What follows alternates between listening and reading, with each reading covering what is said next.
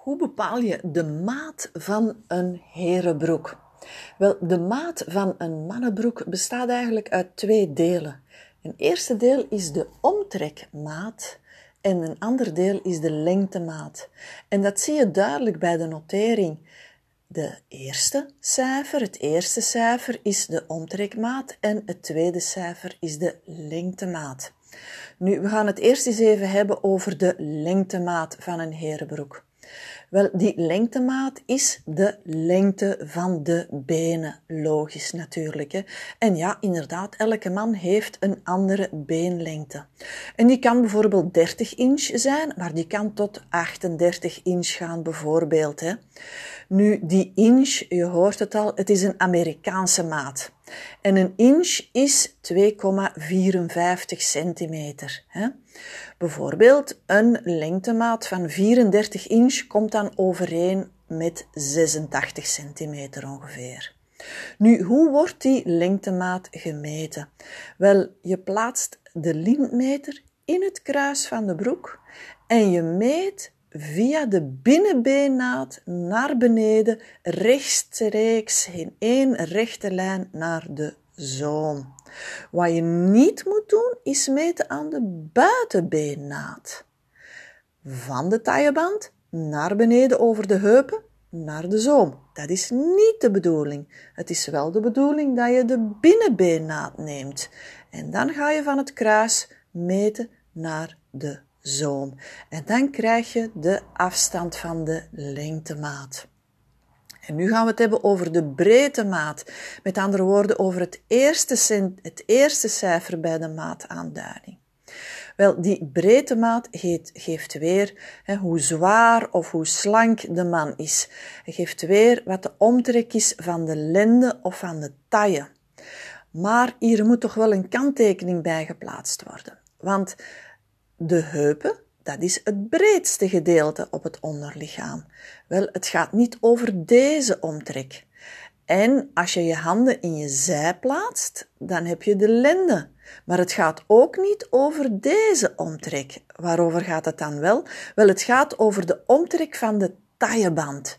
En die tailleband is niet op de heupen. Oh nee, dat zou niet kunnen. En die tailleband is meestal ook niet in de lenden, want dan zou die broek enorm hoog zitten. En mannen dragen hun broeken toch wel een stuk lager. Dus daar waar de man meestal de tailleband draagt, daar is de omtrek die gemeten moet worden voor de omtrekmaat van de broek.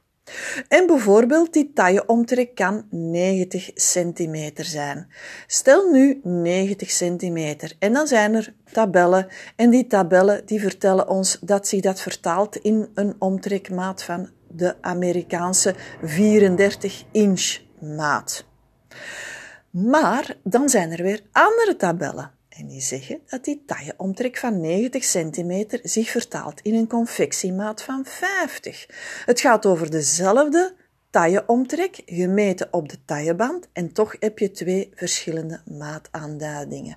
Hoe komt dat? Wel, het is zo dat voor een jeans of een denim of een spijkerbroek gaat men die Amerikaanse inchmaten gebruiken. Maar voor andere broeken in een stoffenkwaliteit gaat men spreken over confectiematen. Dus diezelfde man, tailleomtrek, gemeten op de tailleband met tailleomtrek 70 cm, heeft twee verschillende maataanduidingen. Het ene voor de jeans, het andere voor de stoffenbroek. Maar we zijn nog niet klaar, want hier komt terug die lengtemaat in de picture. Hè? Die 90 centimeter taillebandomtrek, waar we het er net over hadden, die zich vertaalt in 34 inch voor een jeans en 50 confectiemaat, die wordt anders genoteerd als die persoon erg lange benen heeft. Bijvoorbeeld heeft hij een 36 inch lengtemaat, en dat is toch al wel een mooi grote man, dan schrijft men niet 50 neer, maar dan schrijft men het getal 98 neer volgens de tabellen van Brax. En is dat een eerder kleinere man, bijvoorbeeld een 32 inch lengtemaat, dan vertaalt die 50 zich in 24. Dus die cijfers wijzigen zich naar gelang de lengte van de benen anders is. En dan zijn we nog niet klaar, want Eurix bijvoorbeeld is er ook nog. Eurix is een klassiek broekenmerk. En die gaan de broeken op een andere manier uh, ontwerpen. De broeken zijn bijvoorbeeld wat breder van pijp, niet zo skinny. En dan komen we opnieuw weer in een andere mate. We spreken nog altijd over diezelfde man met tailleband omtrek 90 cm, confectiemaat 50. Wel, als in die klassieke maattabel die man eerder klein van lichaamslengte is, dan vertaalt zich dat in een maat 24. Is die man een, heeft die man een gemiddelde lichaamslengte, maar heeft hij toch wel een buik? Dan schrijven we 24 u. En heeft die man en een buik en is hij klein van lichaamslengte, dan schrijven we 245 u. Dus al die getallen komen allemaal overeen met een taillebandomtrek van 90 centimeter. Het hangt er maar vanaf. Is het een jeans? Is het een stoffenbroek? Heeft hij lange benen? Heeft hij korte benen? En gaat hij eerder voor een klassieke look? Zoals bijvoorbeeld bij de Eurex in de maattabel je alles kan terugvinden. Of gaat hij eerder voor een meer moderne, jongere look, zoals je in de Brax-tabellen al de cijfers kunt terugvinden. En daar hangt het allemaal mee samen. Nu, ja, wat is het beste? Is natuurlijk ergens te raden gaan bij een broekenspecialist en dan word je met alle plezier verder geholpen. Hè.